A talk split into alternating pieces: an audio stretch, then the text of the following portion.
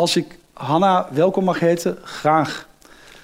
Hi, alsjeblieft. We hebben ehm, in een ver verleden altijd eh, programma's gehad waarbij je dan eh, fantastische keuzes kreeg. Of je witte wijn, rode wijn of water wilt. In dit geval kan ik alleen maar volstaan met het inschenken van een glaasje water. Ehm, Hanna, gefeliciteerd. Je hebt net een nieuwe roman uit, Ivanov. Die ook bij uh, Boekhandel van Stockholm na afloop verkrijgbaar is, uiteraard. Ehm, en nou ja, we kunnen over koetjes en kalfjes gaan praten, maar Ehm, wat ik eigenlijk meteen aan je wil vragen. Ivanov is een verhaal, eigenlijk een, een, meerledige verhaal. Het is een verhaal waarin diep in de geschiedenis gegaan wordt. Uh, in 1927 opent het boek.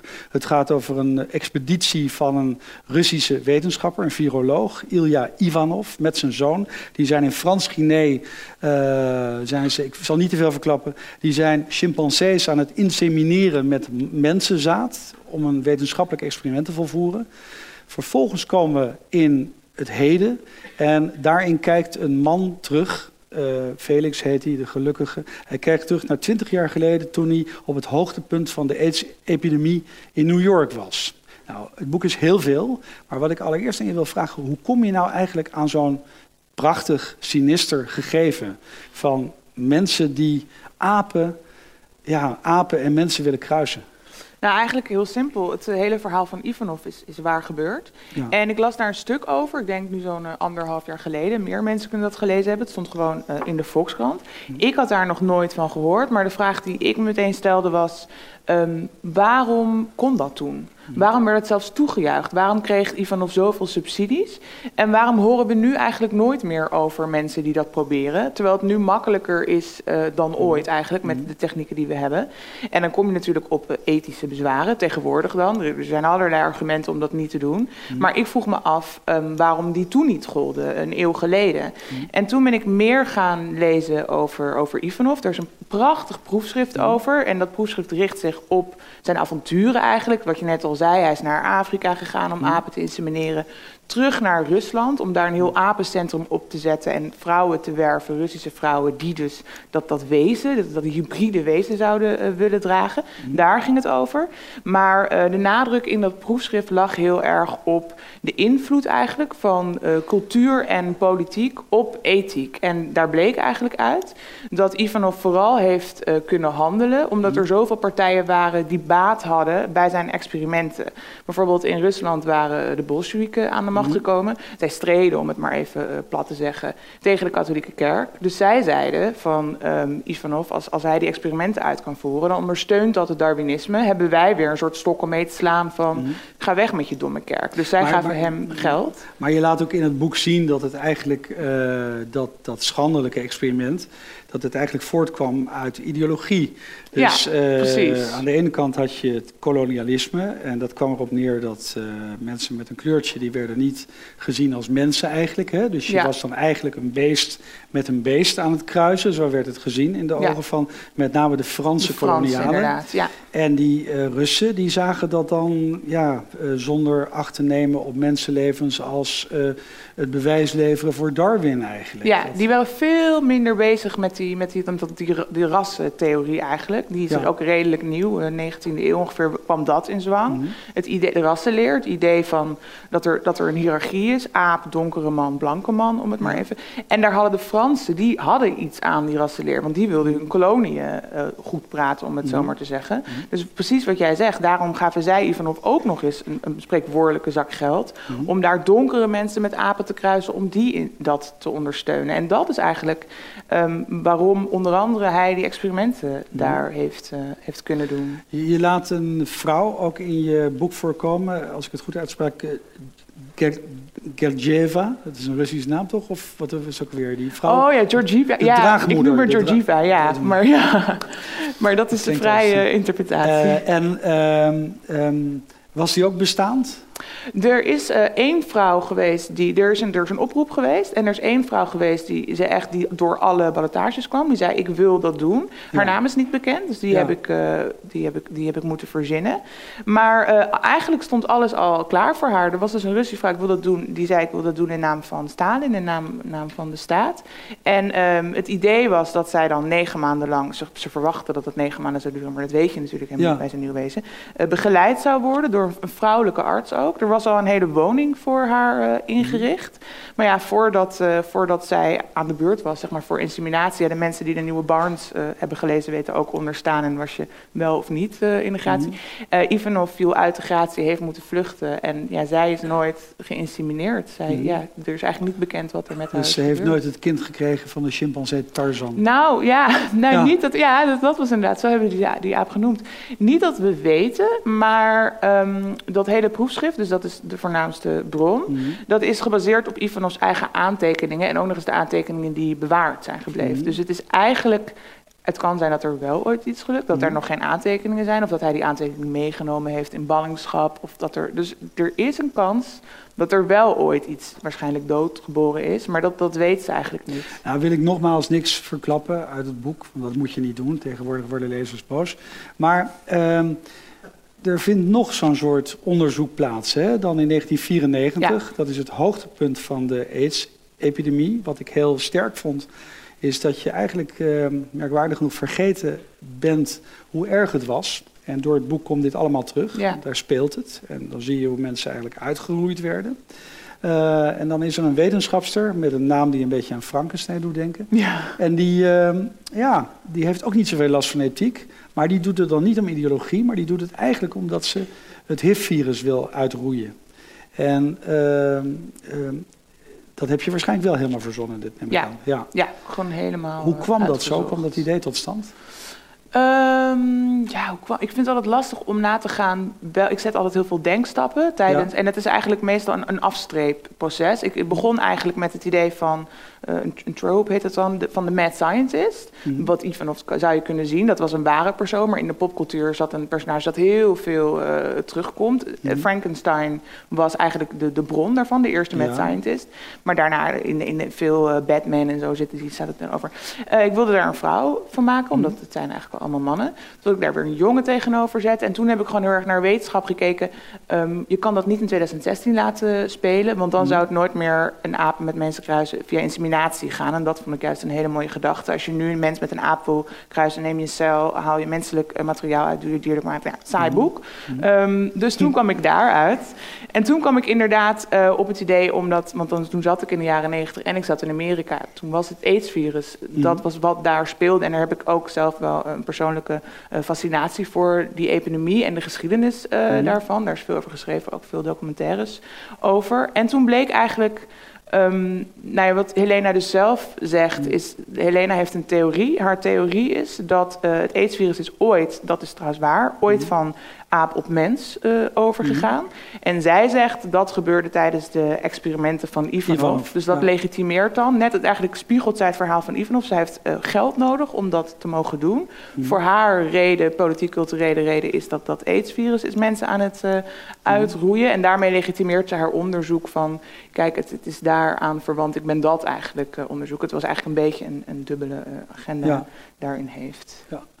Uh, het boek is ook veel meer hè, dan dit. Het is ook een uh, terugblik van de hoofdpersoon Felix op zijn jongere ik. Die probeert hij te begrijpen. Ik lees het boek als uh, een pleidooi voor empathie. Dat klinkt meteen zo staatsmanachtig, maar ehm, het is wel meer dan dat. Want je krijgt ook wel empathie voor die getikte wetenschapster. Ja. Want ja, ze is wel bezig mensenlevens te redden.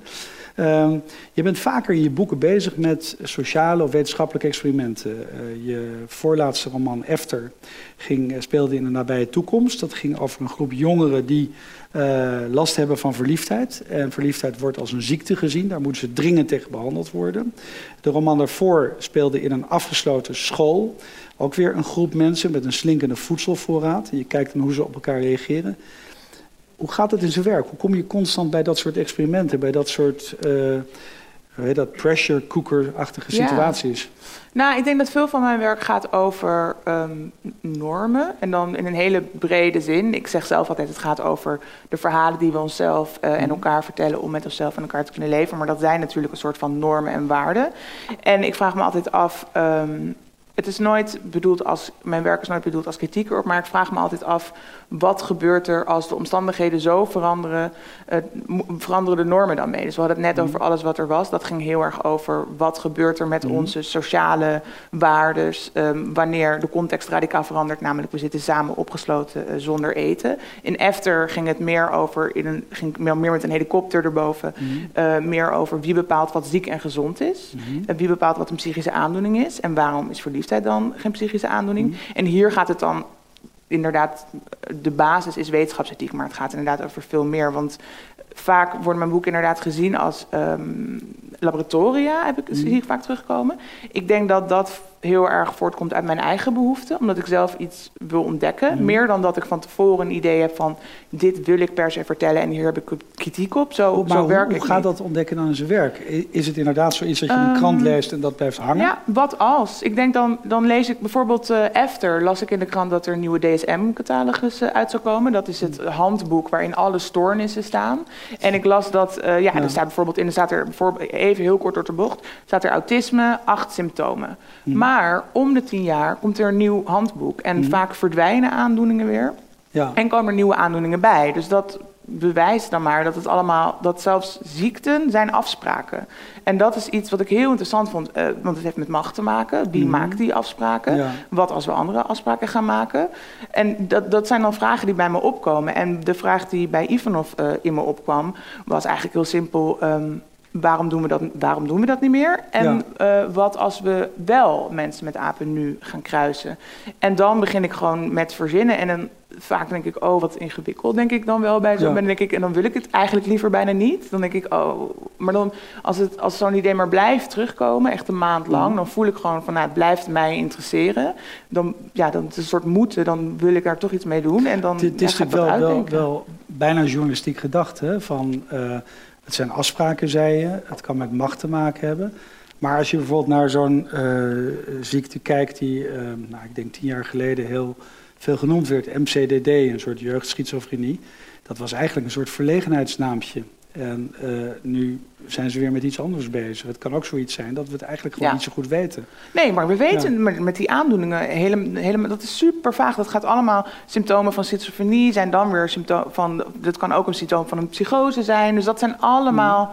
puur gebaseerd op, op afspraken, wat we eigenlijk aan het doen zijn. Dus als je dat dan weer mm. breder trekt, kan je dat ook weer uh, op die wetenschapsethiek betrekken. Van dat ja. het een soort van willekeurig is. Van dat we nu echt allemaal vinden van, nou, je kan zo vijf punten noemen, maar als, we nu, als je nu zegt, ik ga een mens met een aap kruisen, voel je mm. il.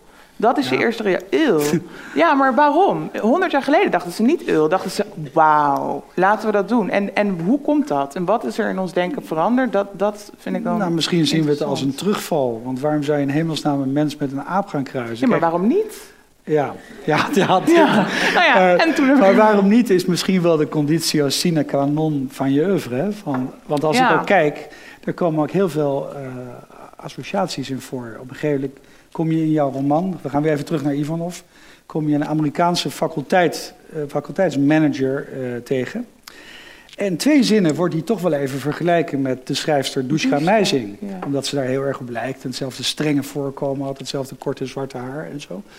Uh, Helena wordt eventjes vergeleken met, ik hoop dat dat nu u, u nog iets zegt, met uh,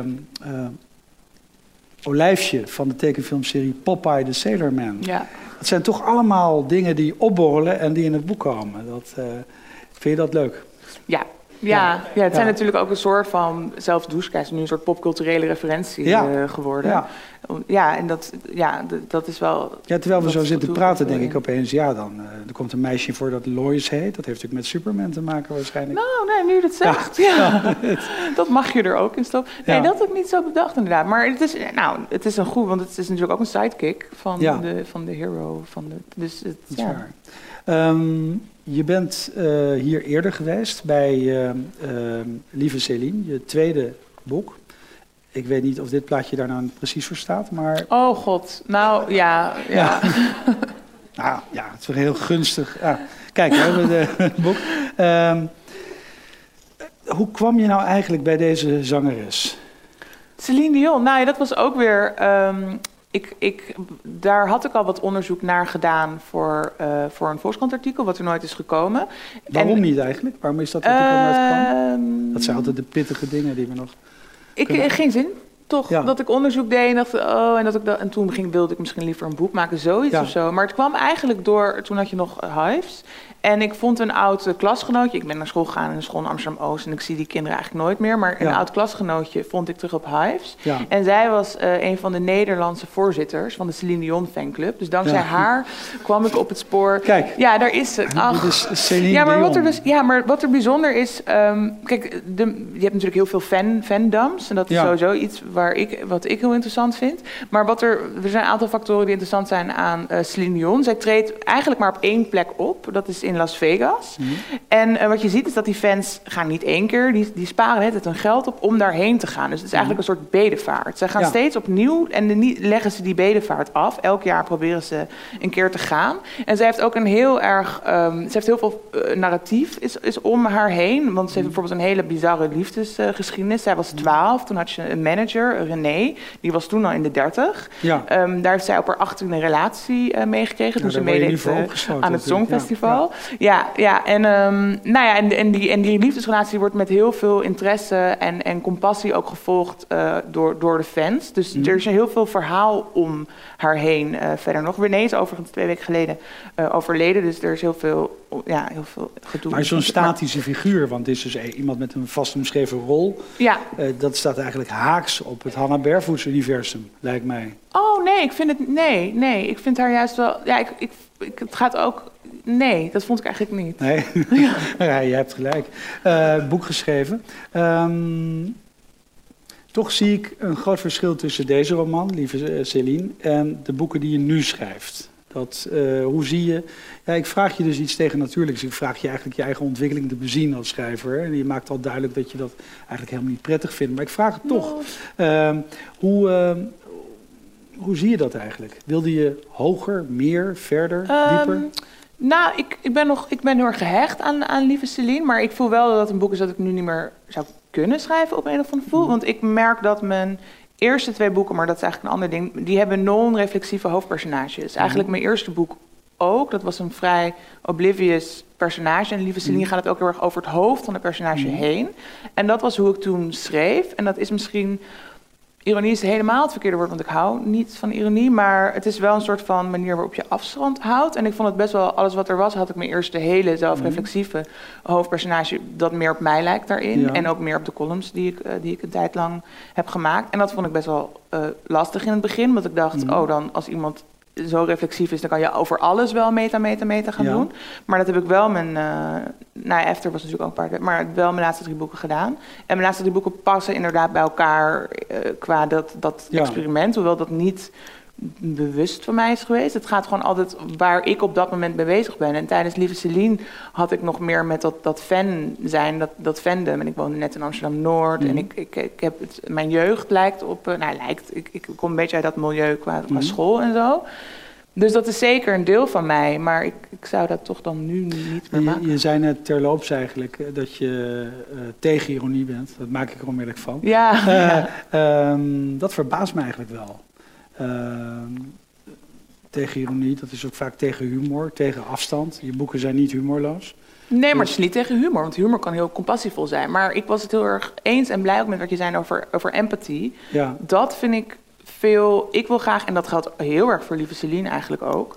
Um, heel erg graag laten zien waarom personages handelen zoals ze handelen. Ik geloof ja. niet per se in goede personages en slechte personages. Ik geloof in um, goede personages die misschien slechte beslissingen maken of niet alle mm. kansen hebben gekregen. En ik wil heel graag laten zien hoe komt iemand tot zijn beslissing. Dus in die zin ja. gaat het heel erg over mensen en wil ik heel erg graag dat je voor al mijn personages uh, dus ook voor zo'n Helena, die een beetje gek is, mm. uh, sympathie krijgt. Dus ook mm. voor zo'n Celine Dion-fan, waarvan je ook zou kunnen zeggen: haal dat domme wicht. Maar mm. dat, Dat denk ik niet. Mhm. En ik vind het, het doet me altijd wel verdriet als mensen denken ehm, dat een boek cynisch bedoeld is. Of dat ik wel dat meisje dan belachelijk uh, Want dat zou je te makkelijk vinden eigenlijk.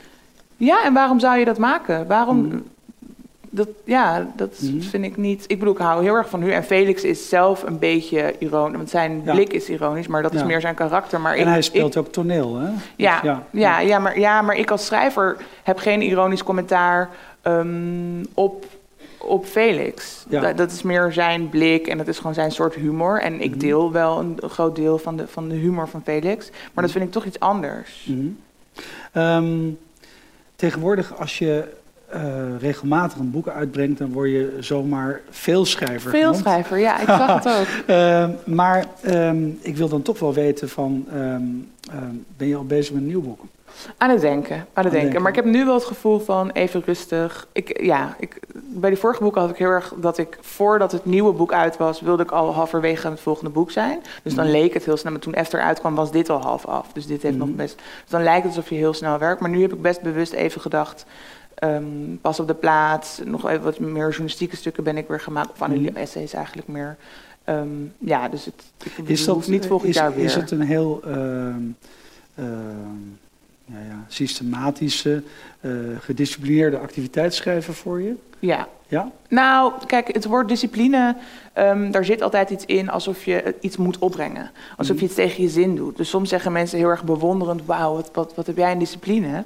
Maar dat, ja, dat, dat, ik vind het leuk wat ik doe. En ik, ik, zou het, ik word heel ongelukkig van, van niks doen. Ik ben niet iemand die dan zegt, Mhm. oh, ik wil, ik had als ik thuis ben, wil ik nog een wasje draaien. Nou, ik heb niet eens een wasmachine, maar Mhm. dat, dat, dat heb ik allemaal niet. Ja. Ik, ik hoef het niet op te brengen. Het is niet dat ik baal van, oh god, ik moet weer gaan schrijven. Dus dan weet ik niet of discipline het goede woord is. Maar ik werk wel met een hele duidelijke regelmaat. Kondigt een boek zich bij je aan? Dat je denkt, nu moet het gebeuren? Ja, een beetje wel. Ja, net als bij, dat, bij Ivanov, eigenlijk bij al mijn boeken.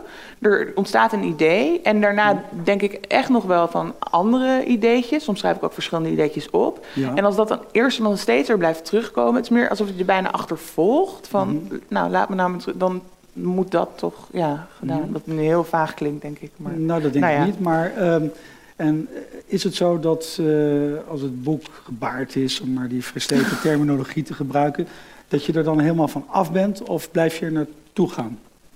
Ehm, vaak komt het volgende boek wel een beetje voort uit het boek daarvoor. Maar soms is er juist een reactie op. Bijvoorbeeld Mhm. Esther was eh, acht verschillende personages, acht verschillende perspectieven. Dus ik wilde heel graag weer eh, een ik-figuur Mhm. doen. En het sluit thematisch allemaal wel aan, omdat het dezelfde persoon is die dat maakt. Dus ik Ja. maak persoonlijk wel een ontwikkeling door. Dus dat zie je ook terug Ja. in mijn boeken. Die groeien dan in die zin ehm, mee.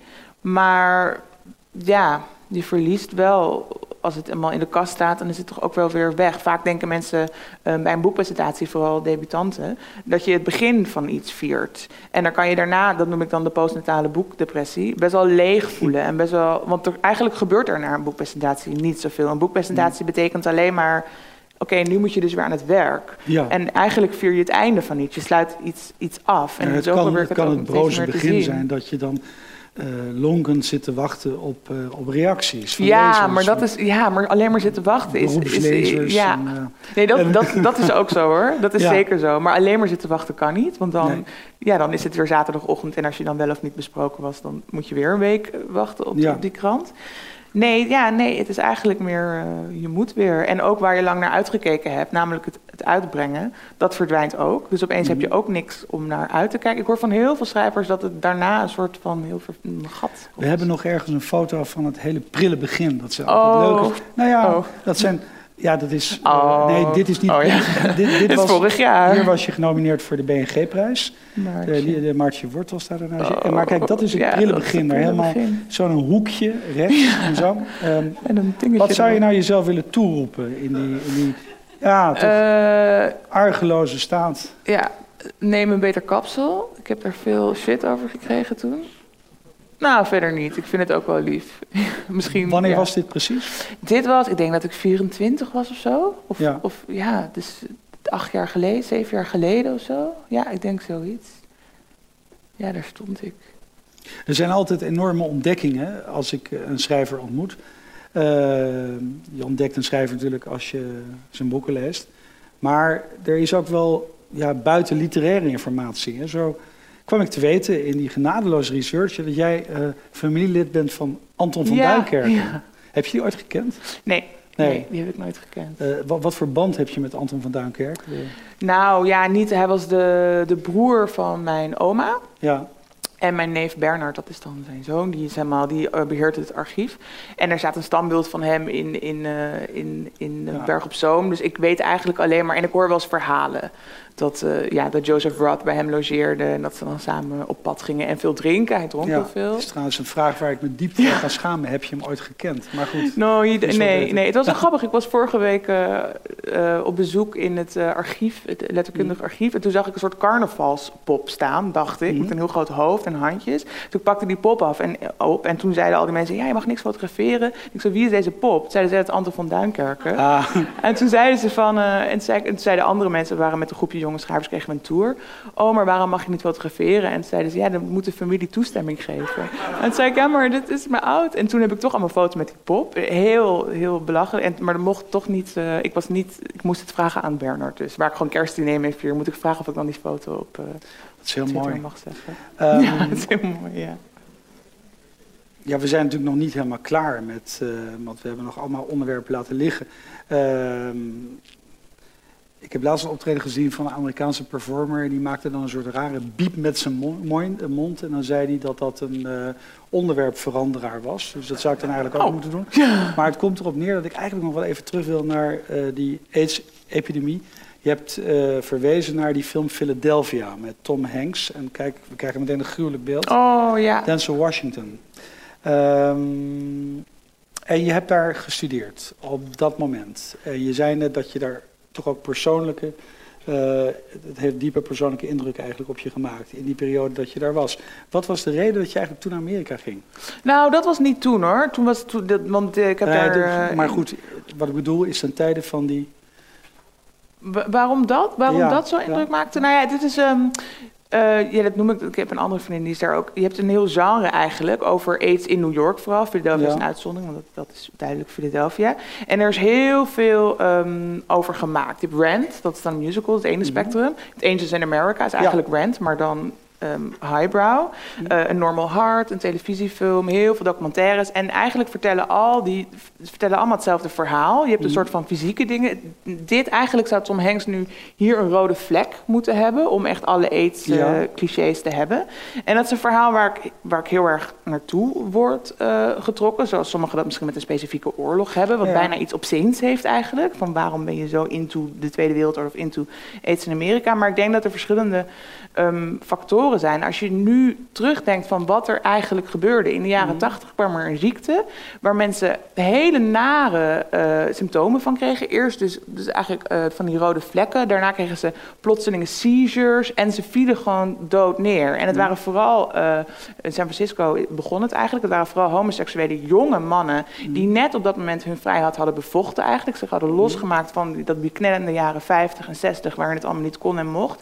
Net toen zij hun seksuele vrijheid vierden, Mhm. werden ze eigenlijk gestraft daarvoor. Want het is seksueel overdraagbaar in die gemeenschap. En er waren heel veel mensen, ook eh, qua politiek, die ook een beetje voelden van ja, eigen schuld. Dus wat die mensen hadden die echt in die community zitten, en nu zit ik zelf best wel in de Amsterdamse eh, gay community, die verloren gewoon 60%, soms 70% van hun vrienden. Dus je moet je denken, eh, nou laten we zeggen dat we tien goede vrienden hebben, zeven mensen gingen gewoon dood en niemand deed iets voor hun gevoel. Dus er zijn ook heel veel ehm, bewegingen, politieke bewegingen ehm, opgekomen. Het is eigenlijk bijna, we hadden het net over die eh, dystopieën even, Ja, die je ook nu veel jeugdfilms ziet, dat strijden. Dingen als de Hunger Games Ja. en Divergent. En ik weet niet Nee, dit is bijna zo'n verhaal. Want er kwamen echt bewegingen. En je kreeg ook daar weer ruzie in. Er waren hele radicale bewegingen. die echt zichzelf gingen opsluiten in eh, parlementsgebouwen. Van nu moet er aidsonderzoek komen, nu moet er geld komen. Er waren weer afsplitsingen die ruzie kregen met de radicale bewegingen. Die zeiden: nee, we moeten vredesprotesten, we moeten het met, met onderhandelingen Ja. doen. En ondertussen bleven mensen gewoon